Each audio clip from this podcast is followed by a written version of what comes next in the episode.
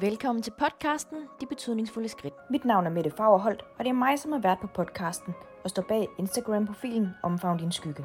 Jeg er selvstændig skyggevejleder og mindset coach. Jeg lærer dig at bryde dine destruktive tankemønstre, så du kan skabe et liv med indre ro, glæde og følelsen af frihed gennem et opadgående mindset. Jeg har derfor inviteret forskellige danskere ud på en gåtur for at snakke om, hvilke betydningsfulde skridt de har taget for at kunne stå der, hvor de står i dag. Mine gæster er modige, ærlige og ikke mindst inspirerende på så mange måder. De tager os med på deres livs rejse, deler åben og ærlig omkring den historie, som de har med i deres rygsæk. Det er også derfor vigtigt at huske på, de er blot bare mennesker med tanker og følelser, som de har handlet ud fra, og nu har de valgt at vise os den tillid at dele deres rejse med os.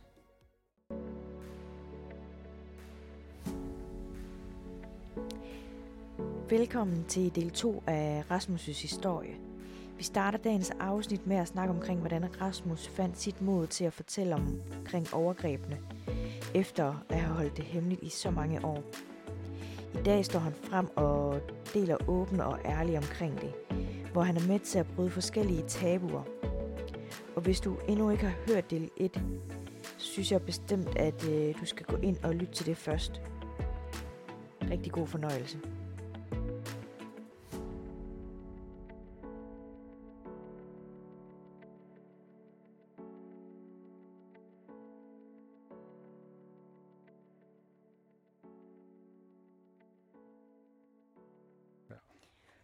Men hvis vi sådan lidt kort skal gå tilbage sådan til ja. hele din historie og det her. Hvordan, altså, hvordan finder du mod til at, at, at sige det højt? Og hvordan sker hele den proces? Ja. Og mod er et meget godt ord at bruge, for det var ikke det, jeg følte, der var overhovedet. Men vi får, min hustru og jeg får vores første barn. Og for mig var det helt Altså, helt sindssygt at få et barn. Det var fantastisk. Jeg elsker, elsker alt ved det. Øh, men det var også meget, også meget anderledes, fordi pludselig var der rigtig mange følelser inde i, som jeg slet ikke kunne håndtere overhovedet. Ja. Og som sagt, en af mine strategier var at råbe meget. Og det gjorde jeg også i en længere periode. Og min hustru kom til mig og sagde, du er nødt til at få noget hjælp du så få noget hjælp, fordi jeg kan ikke have det, jeg kan ikke have det sådan her. Mm-hmm. Og det er inde i mit hoved, jeg hørte hende sige, det er, at hvis du ikke får hjælp, så har vi ikke en fremtid sammen. Ja. Okay, så indtil for ni et halvt år siden, der havde du faktisk ikke fået hjælp, eller altså overhovedet talt med nogen Nej. som helst? Det viser sig senere hen, at der er to, to tre faktisk gennem ungdomsårene i brand, og der er også noget, hvor jeg har fortalt det. Ja, okay. Men jeg var også god til at male billeder af, at jeg styr på mit liv. Ja. Så, øh, så jeg siger, ja, jeg lyver for hende. Det er jo sindssygt god til at manipulere og alt muligt andet, fordi det er den måde, jeg har lært at overleve på. Mm. Og lade folk se det, de gerne vil, og få opfyldt andres behov, fordi så kigger vi ikke så meget herover. Og da hun siger det der, så siger jeg, det er fint. Jeg finder en psykolog, en ung kvinde, som jeg kan manipulere med, som ikke har været uddannet så længe, så ved hun ikke, hvordan hun skal håndtere det, jeg siger. Ja. Men jeg gør ikke noget. Og det første, jeg cirka 14 dage senere, går med min søn på armen, som græder. Mm. Og jeg kan ikke få ham til at være rolig. Han har ondt, og jeg kan ikke, jeg kan, jeg kan ikke løse det. Og jeg råber ham, mens han ligger på min arm, af fulde lungers kraft lige ned i hovedet. Hold din kæft. Ja. Og jeg må se sådan et barn, der slår sig, eller bliver chokket, hvor de bare ligger sådan og gisper efter vejret. Mm. Og sådan lå han med sine store blå øjne, og ja. tårnede og kinderne og kiggede på mig. Oh. Og så vidste jeg, at jeg skal, jeg skal ikke være det. Jeg så et billede af en far, som jeg ikke havde lyst til at være. Ja. Så næste morgen, der ringte jeg og fik en tid ved psykologen. Og første gang med hende, så havde vi bare snakket. Og anden gang på vej derhen, kunne jeg mærke, at der var noget, der var anderledes. Og jeg tror, det er det her psykologilokale ude på Frederiksberg. øhm, igen det her med, jeg synes selv, jeg, jeg fylder lidt, jeg er en høj mand og sådan noget, og træder ind i et lille kammer. Det er ikke ret stort. Og der er sådan en skråvæg ned til på, øh, på endevæggen, modsat hvor du kommer ind. Der er sådan et stort rundt New Yorker-vindue, Mm. som går lige ned til gaden. Og sofaen er sådan lav ind, så da jeg sætter mig i den, så sidder jeg med benene sådan skråt opad.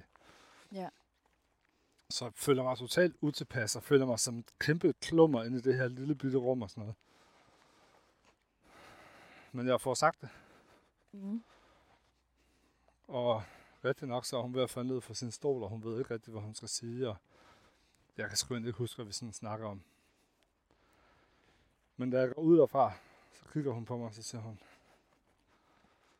men hvad så nu, Rasmus? Ja. Og sådan lidt, så er jeg nødt til at sige det. Og sidst min farmor er død, lidt over et år inden det her, Ja. så kommer jeg hjem til, med, til vores lejlighed i Valby, hvor min svigermor er. Og min svigermor giver mig lidt de samme sådan, følelser, som min farmor gjorde. Har en fantastisk svigermor. Og jeg fortæller hende det for første gang. Okay, vildt nok. Så, det, så hun bliver den, altså, den næste, Ja. der, der, ved, Der får der det får det vide. Ja. Og jeg kommer ind. Jeg føler mig igen. Nu har jeg nævnt det med min krop et par gange, men jeg følte mig bare som kæmpe i forhold til alt. ja. Og stod Linde sådan hen over vores komfur, og hun stod og vaskede op. Så siger, der er noget, jeg er nødt til at fortælle. Så siger hun, jeg ved det godt. Så jeg ved ikke, hvad det er, men jeg ved godt, der er noget. Ja. Så siger jeg, prøv. Min farfar har seksuelt misbrugt mig, da jeg var barn. Mm. Og, og jeg kæmper for at holde tårer ind. Jeg kæmper, jeg kæmper alt muligt. Jeg ved ikke hvorfor, men jeg kæmper bare. Mm. For overhovedet at stå oprejst.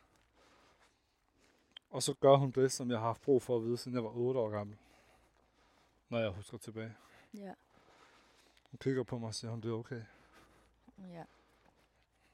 Så i hele det kaos og alt det, jeg har inde i, så får jeg at vide, at jeg er okay. Ja, fordi det er det eneste, du et eller andet sted ikke har følt hele dit Præcis. liv. Lige Ja. præcis. Og det går jeg knækker sammen på gulvet og bare græd. Og var med det. Ja. Og efter hende fortalte jeg det til min hustru, da hun kom hjem. Hun blev pisse sur. Nå. Um, Nå, hvor du ikke havde fortalt det noget før? ja, Eller? hun blev pisse sur over hele situationen. Jeg har sagt noget, og hun var kommet ind i en familie, og der var sådan noget her, og hun troede, det var en lykkelig familie, og han klammer og alt sådan noget. Det er et reaktionsmønster, Ja. som vi alle sammen har et eller andet sted, når vi mm. går i Mhm. forsvar. Hvordan gør vi det? Men den aften er første gang siden jeg er de der cirka 8 år gammel. Ikke at jeg lader nogen holde om mig og passe på mig, men at jeg indeni tillader, at der er nogen, der må holde om mig og passe på mig. Ja. Og her der er jeg, hvad er jeg? 25, ikke? Jo. Det er også vildt. Det er også mange års altså, følelser, der er blevet undertrykt. Man kan sige, at jeg samler for min bror, som bor i København, over at jeg fortæller ham det. Og han, han tror på med det samme, der er slet ikke noget. Og vi Mhm. aftaler at køre til Jylland sammen og fortælle det til familien. Ja. Og det diskuterer stadig den dag, jeg synes, der går et par dage, og han siger, der går 14 dage. Øhm. Men vi kørte over og står med mine forældre og min søster. Og jeg fortæller det. Og det er mega hårdt. Ja. Og min mor står bare og ryster på hovedet. Så hvordan har vi kunne se det? Hvordan har vi kunne se det? Og min far står bare... Min far er en stor mand. Øh, nok bare en 140-45 kilo på det tidspunkt. Og så kommer der sådan en musestemme over for hjørnet, og jeg siger, det er også sket for mig. Ja. Så min lille søster blev også, har også været i hænderne på min farfar. Ja. Ej. Sidst, jeg har fået lov at dele hendes historie. Øhm, og hun er også åben omkring det. Ja. Men lige det øjeblik, jeg hører hendes stemme. Og jeg var, jeg var sårbar, jeg var træt, og jeg havde, havde ikke lyst til det, jeg havde gang i overhovedet, fordi det var skræmmende. Ja. Men da jeg hører hendes stemme, og ligesom i rigtig mange år, så vreden løb ud i hænderne på mig. Men på en anden måde, fordi det var ikke, det var, jeg var klar til kamp, Mm. men jeg var klar til at fortælle det her, sådan, så han, så han kunne blive altså, udstillet. Ikke? Ja. Og vi samlede hele familien og fik fortalt det. Og hvad der skete den dag, det ligger den dag, fordi jeg har ikke super meget at gøre med dem mere den dag i dag, selvom jeg har været utroligt tæt med dem. Mm. Men der var mange forskellige reaktionsmønstre, og der var også mange forskellige historier. Ja. Hvilke tanker gik der sådan igennem dig, inden at, at du skulle sige det sådan til din, altså til din egen familie? Øh, jeg var bange. Mm. Jeg var nervøs. Jeg... Jeg var bekymret for reaktionen. Ja. Jeg var ikke, faktisk ikke så bange for, om de ville tro mig eller ej, for det var ikke, jeg kunne godt mærke, at det var ikke det, jeg havde brug for. Mm-mm. Hvad har du så brug for? Ja, det er fandme et godt spørgsmål. Jeg havde brug for ikke at gå alene med det mere. Ja. Og, og det er nok det, der er gået igen igennem hele livet. Selvom jeg altid har været sammen med mennesker, så har jeg altid følt mig alene Mm-hmm. og ensom. Ja. Og er det fordi, du har båret på den her sådan enorme altså, hemmelighed igennem Ja. så mange år? Ja, det, og så, og så det, at jeg ikke har følt, at der er nogen, der har kunne forstå min handlemønster. Ja. Som jeg sagde tidligere, faktisk lige da vi gik her, hvor vi også går nu, så, så har jeg fortalt min historie mange gange med, med min adfærd. Mm-hmm. Og, øh, og den er aldrig blevet forstået. Mm-hmm. Så, så den lettelse, det var at få sagt det højt. Altså, det var helt vildt. Og, og jeg svævede jo rundt i lang tid og følte mig bare let. Øhm, men fik ikke noget hjælp. Mm-hmm. Jeg gik øh, en gang mere ved psykologen, efter jeg havde fortalt det. Og var jo sådan helt euforisk, fordi jeg havde... Jeg følte mig så let. Ja. Så hendes svar var sådan, du har det jo godt nu, så jeg ved ikke, hvordan jeg skal hjælpe dig. Så må du jo ringe, hvis det er, at øh, du har brug for, for mere. Ja, okay. Som om, at så det var det eneste, der lige skulle til Ja, ja. for. Ja, jeg skal bare lige det sige var det højt, fordi der var ikke noget, der var ikke nogen handlemønstre, der er ændret. Mm-hmm. Så, øhm, så jeg fortsatte jo bare med at leve, som jeg har gjort i lang tid. Ja. Og jeg ledte efter hjælp. Og jeg prøver aldrig nogensinde i mit liv har jeg prøvet på at negligere, øh, om det er hårdt for mænd eller kvinder, eller noget som helst. Mm-hmm. For det er forfærdeligt lige meget, hvem det er. Men det, jeg blev rigtig stødt over, da jeg søgte efter hjælp, det var, der stod hende og hun alle steder. Ja. Jeg kunne finde nogle enkelte steder, hvor der stod noget til mænd. Mm-hmm. Men hvis det nu var en hjemmeside, så var det måske 85% henrettet mod kvinder og 15% mod mænd. Ja. Og jeg følte ikke, at jeg kunne blive set nogen steder. Mm-hmm. Så der er et eller andet sted følte du stadigvæk ikke, at du, altså, du passede ind. Nej, præcis. Og jeg gik ikke til lægen, jeg gjorde ikke noget. Øhm, det var faktisk først efter halvanden, og halvanden år efter. For jeg gik i retten mod min farfar Mm-hmm. samme år. Og vandt min retssag. Ja. Han blev dømt, han fik 6 måneders ubetinget. Og jeg fik en erstatning på 11.500. Okay. Det var, Så det var godt nok lidt sluppet. ja, det var meget let sluppet. Ikke fordi det på den måde skal handle om, om, om penge eller noget, men Men, men stadigvæk gør det op. ja. Og øhm, han kunne have fået et år længere fængsel, hvis det var, han var røget ind under en anden paragraf. Fordi ja. at han har aldrig ført sin egen penis op i mig. Mm-mm. Han har gjort mange andre ting, og med legetøj og sådan noget. Men han har aldrig ført sin egen penis op i mig, så derfor blev det aldrig nogensinde dømt som samleje. Ja, okay. Det er jo også for sindssygt. Ja. Så, øhm, og det er der heldigvis blevet ændret ret meget på i vores system, men der er stadig meget, der skal ændres Ja. i min optik. Ja, helt sikkert. Men det er jo også vildt. Altså seks måneder Ja. for så mange år. Altså han har Ja. taget af de altså hvis man tænker bare under, eller mens at overgrebene fandt sted, ikke? Og man også Ja. ja. prøve at tænke på alle de år efter, hvor man Ja. har, har levet med, Ja. ja. med de psykiske men derfra. Ja. Ikke? Præcis. Og ja, Og lever han? han lever stadig han den lever dag. stadig? Ja, ja, han lever stadig den dag. Okay. Og der har også været nogle episoder siden, efter, altså efterfølgende. Han røg jo ikke ind og sidde, så det var mm-hmm. Mhm. betinget dom. Um, men der har været nogle episoder siden, fordi da han tog hjem fra retten den dag, så er han jo, så var han ude af systemet. Han har aldrig blevet fuldt op på, Nej, okay. og han bor stadig det hjem, hvor jeg blev udsat for overgreb. Mm.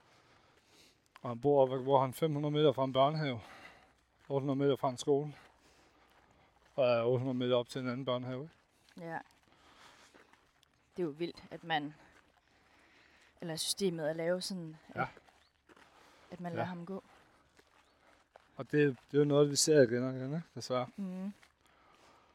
Øh, man kan sige, at nu der er der mange historier omkring ham. Han, øh, han drikker rigtig meget. Jeg har fået historier, at han er oppe på den lokale bodega og sidder og drikker, og de må gå ned og bede ham om at pakke pinden væk og ikke sidde og lege med sig selv ind på bodegaen og sådan noget. Ja. Men der er ikke nogen, der melder det. Nej, det er jo også sygt. Det er nemlig det. Det er jo skræmmende. Fordi man tænker på, at min søster og jeg har der været nogle år. Mm. Men der har også været nogen før mig. Ja. Fortæl mig, at, at jeg er den første, der ligger i det her med ham. Så hvis vi ikke, hvis vi ikke får tegnet det fulde billede, så finder vi aldrig ud af det. Mm-mm. Så det her med, at hvor vigtigt det er et eller andet sted, er, hvis du ser en, et menneske gøre noget uhensigtsmæssigt, i hvert fald i den her stil, nu går vi her i Valbyparken, så hvis vi så en eller anden sidde på en bænk og ned, så det her med at få meldt det, i stedet for bare, ej, det er fandme ulækkert at gå videre, Mm. det er bare hammerende vigtigt. Ja, fordi at, altså et eller andet sted, så kan man jo godt sige, at man kommer til at støtte altså ubevidst op Ja. omkring det, fordi man ikke altså, Præcis. tager action på det. Og det ved jeg godt, det er ikke det, man tænker, når det er, man går forbi og ikke, ikke gør noget. Præcis. Men det er også berøringsangsten, ikke? Men, ja, Ej, så skal, ej, det skal jeg, så skal jeg jo stå her længere tid, politiet kommer. ja, Nej, men prøv, det handler om mange ting. Du- ved ikke, hvad personen går hjem og laver bagefter, Mhm. mm-hmm. eller noget andet. Um, ja. Og som jeg sagde, der gik halvanden år, før jeg fik hjælp. Ja. Og det fik jeg på et kursus i England med en amerikansk coach. Mm. Og jeg havde så lave overbevisninger om selv omkring mig selv, og sat mig selv værdimæssigt så lav, at jeg troede ikke, jeg var sådan... Jeg var ikke sådan et menneske, der kom ud og rejste. Mm-mm. Sådan at det, at jeg skulle til USA, virkede usandsynligt. Altså, det var altså uvirkeligt. ja. Sådan et menneske var jeg ikke. Mm-mm. Og jeg sad på det her seminar, og havde haft kæmpe modstand på det. Det var min hustru, der ville have mig med, og var sådan, at det, det gider jeg ikke. ja. Altså 7.500 for en billet, og var sådan, at du, du er helt væk. Men tog med. Fordi at man efter et døgn, hvis man ikke kunne den første dag, kunne holde til det, eller gad det, eller sådan noget, så kunne man få sine penge tilbage. Ja, okay. Og så tænkte jeg, fuck it, så jeg får pengene tilbage. Så har jeg på dage i London. Det, det er perfekt. Ja. Øhm, London er blevet vores andet hjem. Mm. Men så stod den her kæmpe nar op på scenen foran 7.500 mennesker. Og fortalte dem alle sammen præcis, hvordan jeg havde det. Ja, okay. Og det var... Det var sindssygt. Så gik det op for mig, at jeg ikke var alene. Mm-hmm. Og da jeg kom hjem derfra, sagde jeg mit job op som nattevagt på Københavns Universiteter. Fordi jeg igen troede, det var det, jeg duede til. Mm. Og det er noget ondt mod folk, der går som nattevagt nogen steder overhovedet. Men jeg vidste bare, at jeg kunne mere. Ja. Og 8 måneder senere, jeg fik et andet job som sælger, og inden for fire uger var jeg den bedste sælger i mit team. Og 8 måneder senere fik jeg et opkald. Fordi jeg ville godt på nogle flere af sådan nogle kurser, jeg synes, det var fedt. Mm. Og det var i USA. Men jeg tænkte, det var sådan nogle, nogle år ude i fremtiden. Ja. Men fik et opkald og var sådan lidt, prøv at- jeg har brug for, at du siger ja. Jeg er sådan lidt, ja, ja. Jeg har sagt ja til så mange ting i mit liv, og pludselig står jeg og skal flytte piano fra 5. sal til 4. sal og sådan noget. Jeg har brug for noget mere info. og øhm, så jeg har brug for, at du siger ja. Jeg har fly bestilt, jeg har hotel bestilt, og jeg har en billet til det her seminar, jeg gerne vil på, som koster 40.000 eller sådan noget. Jeg har bare brug for, at du siger ja. Vi finder ud af økonomien, når vi kommer hjem. Bare brug for, at du kommer med dig. Og det, det ja er nok det vigtigste ja, jeg har sagt i mit liv. Ja. Hvad, hvad skulle du? Det var et seminar over i det år, men Ja. sådan et, et fem dages 12-14 timer om dagen, meget intens seminar, Mm. hvor jeg virkelig fik lov til at arbejde med mig selv. Ja. Og jeg fik lov til at køre ned om Miami Beach og se USA, Mm. det jeg har set i filmene. Og på den tur fandt jeg, fandt jeg tilbage til mig selv. Mm.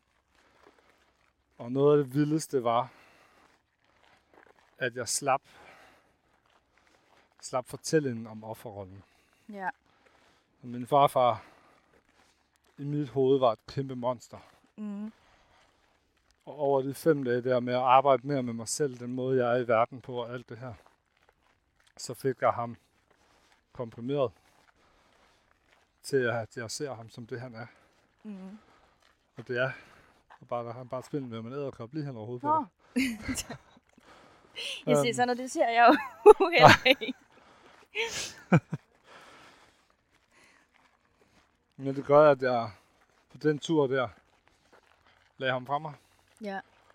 Han blev til den alkoholiker, som sidder i sin sofa og drikker sig selv ihjel. Mm. på den måde, jeg så ham på. Og han, han mistede betydningen i mit liv. Ja. Og det har faktisk gjort, at jeg har, øh, at jeg efterfølgende, når jeg har været hjemme, faktisk har gået forbi ham i supermarkedet, Okay. uden at registrere, at det var ham. Okay, vildt nok. Ja, det, jeg var sammen med min mor, og godt mærke, at hun blev sådan helt mærkelig.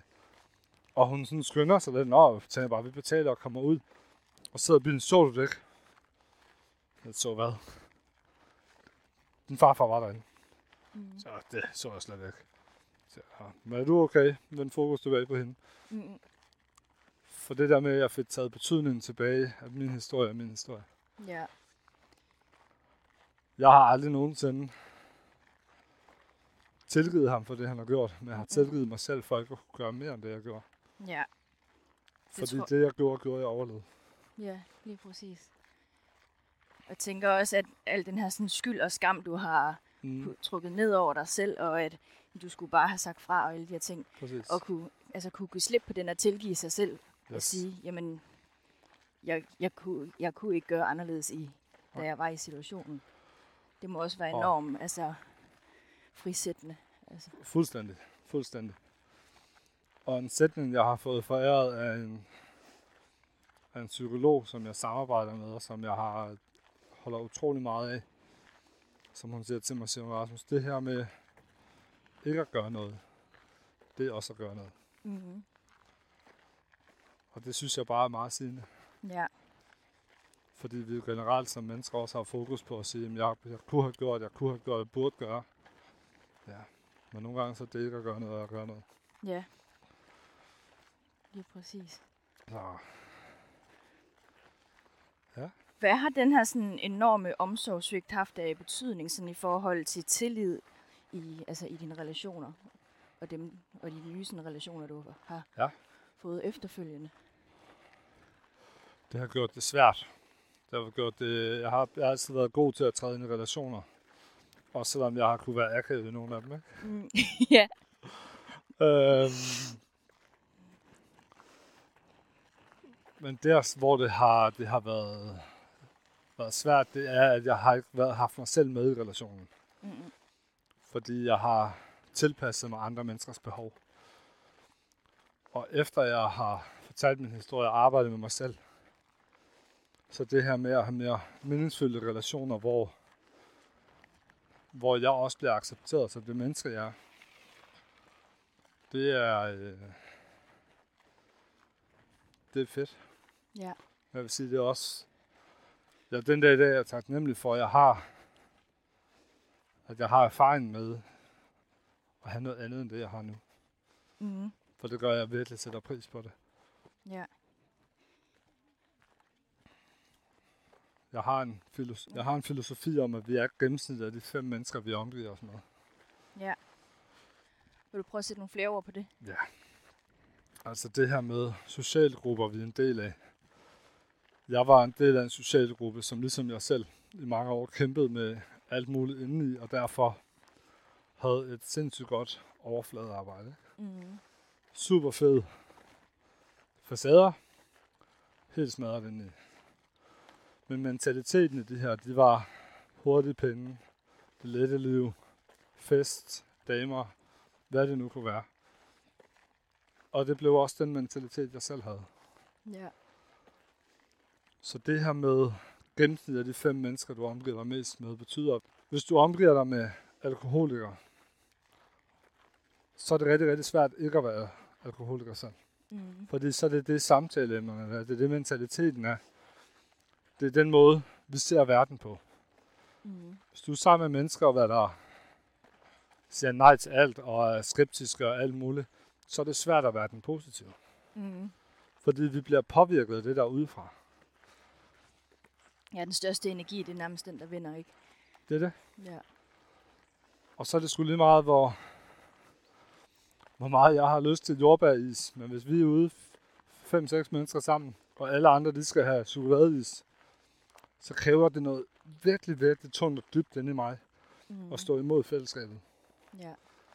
Så vi tilpasser os hurtigt. Og det er jo vildt, også i hvor en tidlig alder, vi bare lærer at tilpasse os, fordi yes.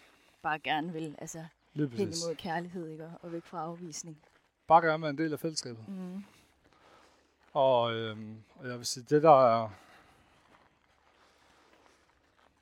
Det der er spændende ved den del, det er, at det jo gælder også den anden vej. Så hvis der er noget, du gerne vil have noget mere af i dit liv, jamen så er det også at arbejde med, hvad er det for nogle mennesker, der kan være med til at give dig det, Mm. og have dem tæt på. Og jeg siger ikke, at det skal være fem mennesker, du altid er sammen med. Men hvis du arbejdsmæssigt gerne vil være chef, du vil gerne op og alt muligt andet, have dit eget firma, hvad fanden det kan være, men så nytter det ikke noget, du render rundt ude på lageret og samler pandflasker. Nej. Det er at være, men du er stadig nødt til at være omkring noget, hvad der kommer med til at løfte dig selv op på det niveau. Mm. Ja, det giver utrolig god mening. Det har i hvert fald hjulpet mig rigtig meget til der, hvor jeg er i dag. Men det er jo også i hvert fald, nu her efter jeg også har startet selvstændigt og sådan ja. så kan jeg jo godt mærke, at altså, energien er en anden, når det er, at man også hvad hedder det, er ude og, og netværke eller snakke Ja, ja, med andre mennesker, der også er selvstændige. Fordi at man har lidt den der samme energi og vibe om, Yes. altså kring alt det, man synes, der Yes, er, er pisse fedt og kan dele og spare med hinanden. præcis. Og så er det det her med at vælge. Altså vælge din, din netværk, din arena, jeg plejer at sige. Mm.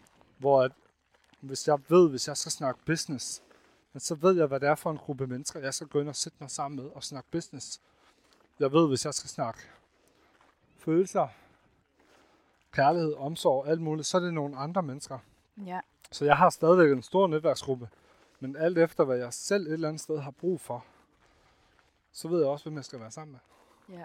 Følger der er nogen, hvor vi kan træde lidt over det hele, men, men det får at karikere det meget op. Mm.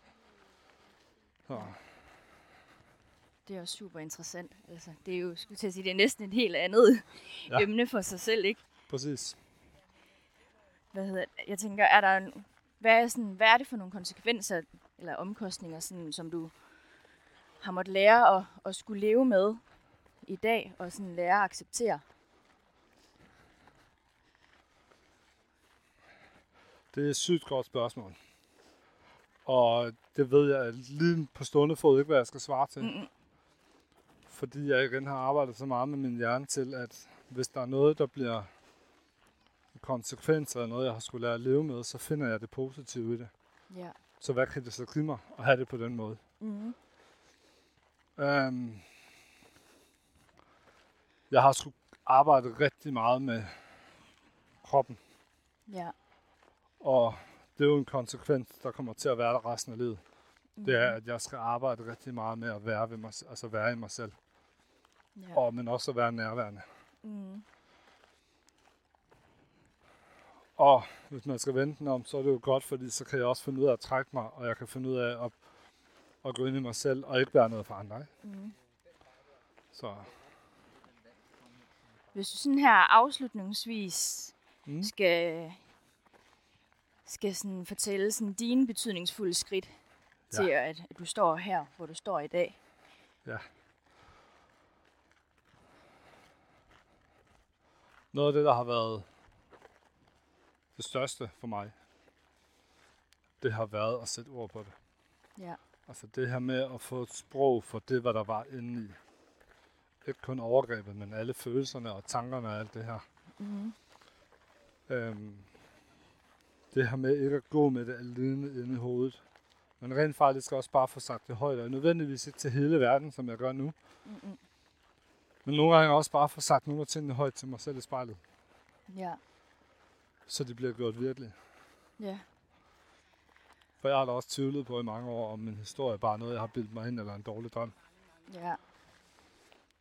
Så det her 100% med at få et sprog for det. Og det her med at finde andre. Ja. Igen, så er vi lidt tilbage i det med relationer, ikke? Men at finde nogle andre, som har, har en forståelse for rebet, har en forståelse for overgrebet, Mm. for ensomheden og alt det her, har gjort det nemmere at spejle mig. Ja. Det tror jeg, vi alle sammen har uhyre meget brug for at have nogen at spejle os i. Ja, så vi netop ikke føler os alene Præcis. med alt det, vi... Og det er lige meget om det er overgreb, omsorgsvægt, angst, depression. Hvad fanden det er. Tror det der med at have et fællesskab, eller i hvert fald have nogle andre, man kan se i øjnene, Mm. tror jeg er rigtig, rigtig vigtigt. Ja, jeg tænker også nogle gange det der med også at, at følge nogen, der måske... Eller starte med også at bare følge nogen, der har gået, altså gået Yes. vejen. Lige præcis. Og se, åh, der er faktisk en, en vej ud af, Yes. af alt det her, jeg, jeg står i. Præcis, altså det er håbet, ikke? Ja. Og det er måske det næste betydningsfulde skridt, det er det, der for mig som person har været vigtigt. Det har ikke været vigtigt, men været ekstremt betydningsfuldt. Det har været at, at se det håb, min stemme kan give nogle andre. Mm. Se et ungt menneske øhm, tro på, at de rent faktisk godt kan noget her i livet, og godt kan komme ud af det, de er i. Ja. Det er... Det giver mig så meget betydning for mit liv. Mm. Helt enig. Jamen, tusind tak, Rasmus. Det har været en fornøjelse at være ude og gå med dig. Og Ja, og i lige måde.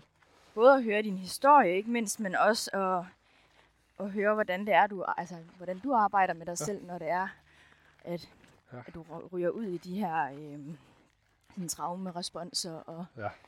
og også det der med, jeg synes også, det er mega fedt, at du sætter ord på, at, jamen, at du falder stadigvæk nogle gange tilbage Mhm. i dine gamle strategier og, og mønstre, når det er, du bliver, bliver rigtig presset. Yes. Fordi vi lever bare i en verden, hvor vi rigtig gerne vil, altså du ved, vil fremad Ja, ja, vi skal køre På- med 500 km i timen alle sammen, ikke? sådan på, på alle punkter, og også når vi snakker selvudvikling, så er det som om, at der nogle gange kun sådan findes én vej, og så er det bare Yes. fremad. Men, men det er jo bare en enorm rutsjebanetur. Det er og det er de der op- og nedture, og, og jeg har godt oplevet lidt, at der er tegnet et billede af, at, at det er, når du har opturene på, at det er der, du udvikler dig og kommer videre og lærer noget. Mm. Og jeg skulle bare erfare, at det er det ikke. Nej, Tværtimod, det er, når du er nede og vende, at du lærer noget. Ja. Det er der, al læringen ligger gemt. Det er der, hvor du i hvert fald får lov til at få muligheden for at, at gøre noget andet, end det, du har gjort tidligere. Mm. Og det er jo også der, at man virkelig finder ud af, altså hvor meget man også har, har flyttet sig og rykket sig. Yes. og virkelig få arbejdet med sig selv. Fordi når man, når man er oppe og synes, at Ja. alt det dejligt er godt, så oplever, altså sådan, så har jeg i hvert fald tit tendens til, eller så tænker man, eller jeg Mhm. kan godt tænke, ej nu er alt godt, jeg, alt det, Ja, ja, det er glemt og sådan Ja, ja, ting. Men, præcis. men lige pludselig, lige snart man, eller jeg bare bliver det mindste sådan presset, eller Ja. været presset i en længere periode, så kan jeg jo godt se, at okay, men jeg har egentlig ikke sådan, jeg har måske arbejdet med nogle af strategierne, men jeg har egentlig ikke sådan helt fået lavet dem til nye vaner. Og det er jo lige præcis det der med at få implementeret det, så det bliver det nye, du bare gør. Ja, Øhm, Og det gør man jo ikke natten over. Nej, det, det vil fandme være fedt, ikke? ja. Øhm, og så tror jeg, at vi skal hvis et eller andet sted som mennesker skal huske på det her med forståelsen for hinanden. Mm. Og lige så meget forståelsen for os selv, fordi jeg har mange mennesker, jeg snakker med, og jeg kender det alt for godt for mig selv. Og stå nede i Netto og har lagt en plan om, hvad vi skal have til aftensmad, og så er der bare ikke mere mælk. Ja. At så kan det få hele lortet til at vælte. Mm. Så den her forståelse for, hvad der sker før, ikke? igen, hvad er for nogle strategier, der gør, at vi kommer helt derud. For så kommer vi til at fokusere på den lortemælk og alt muligt andet. Mm. Det handler ikke skid om mælken. Nej, Det overhovedet handler om alle de gange, du ikke har hørt dig selv sige, jeg har brug for et eller andet. Og reaktionen bliver bare på, Ja, der kommer mælk. ja, lige præcis. Spændende. Men ja, tusind Godt. tak, Rasmus. Selv tak. Tusind tak for at have lyttet med så langt. Det vil betyde utrolig meget for mig, hvis du kan lide at lytte med til podcasten. Så enten skrive en anmeldelse eller anmelde podcasten med det antal stjerner, som du synes, den fortjener. Fordi det vil hjælpe mig med at nå ud til flere og ikke mindst inspirere andre til at gå deres betydningsfulde skridt i livet. Sidder du lige nu og lytter med og har en historie, et budskab, et perspektiv eller et tabu, som du synes, der er vigtigt at få talt om, som du gerne vil give mere fokus, så send mig endelig en besked eller en mail og del dine tanker med mig. Så tager vi en lille snak omkring, om vi er et godt match for hinanden. Måske du ikke selv har en historie, men det kan være, du kender en eller nogen, som kunne være inspirerende at have med. Så må du endelig gerne sende dem min vej, eller skrive deres navn til mig. Så vil jeg hellere end gerne række ud til dem. Men igen, tusind, tusind tak for at lytte med og gøre den her podcast mulig for mig. Det betyder meget mere, end, end du tror.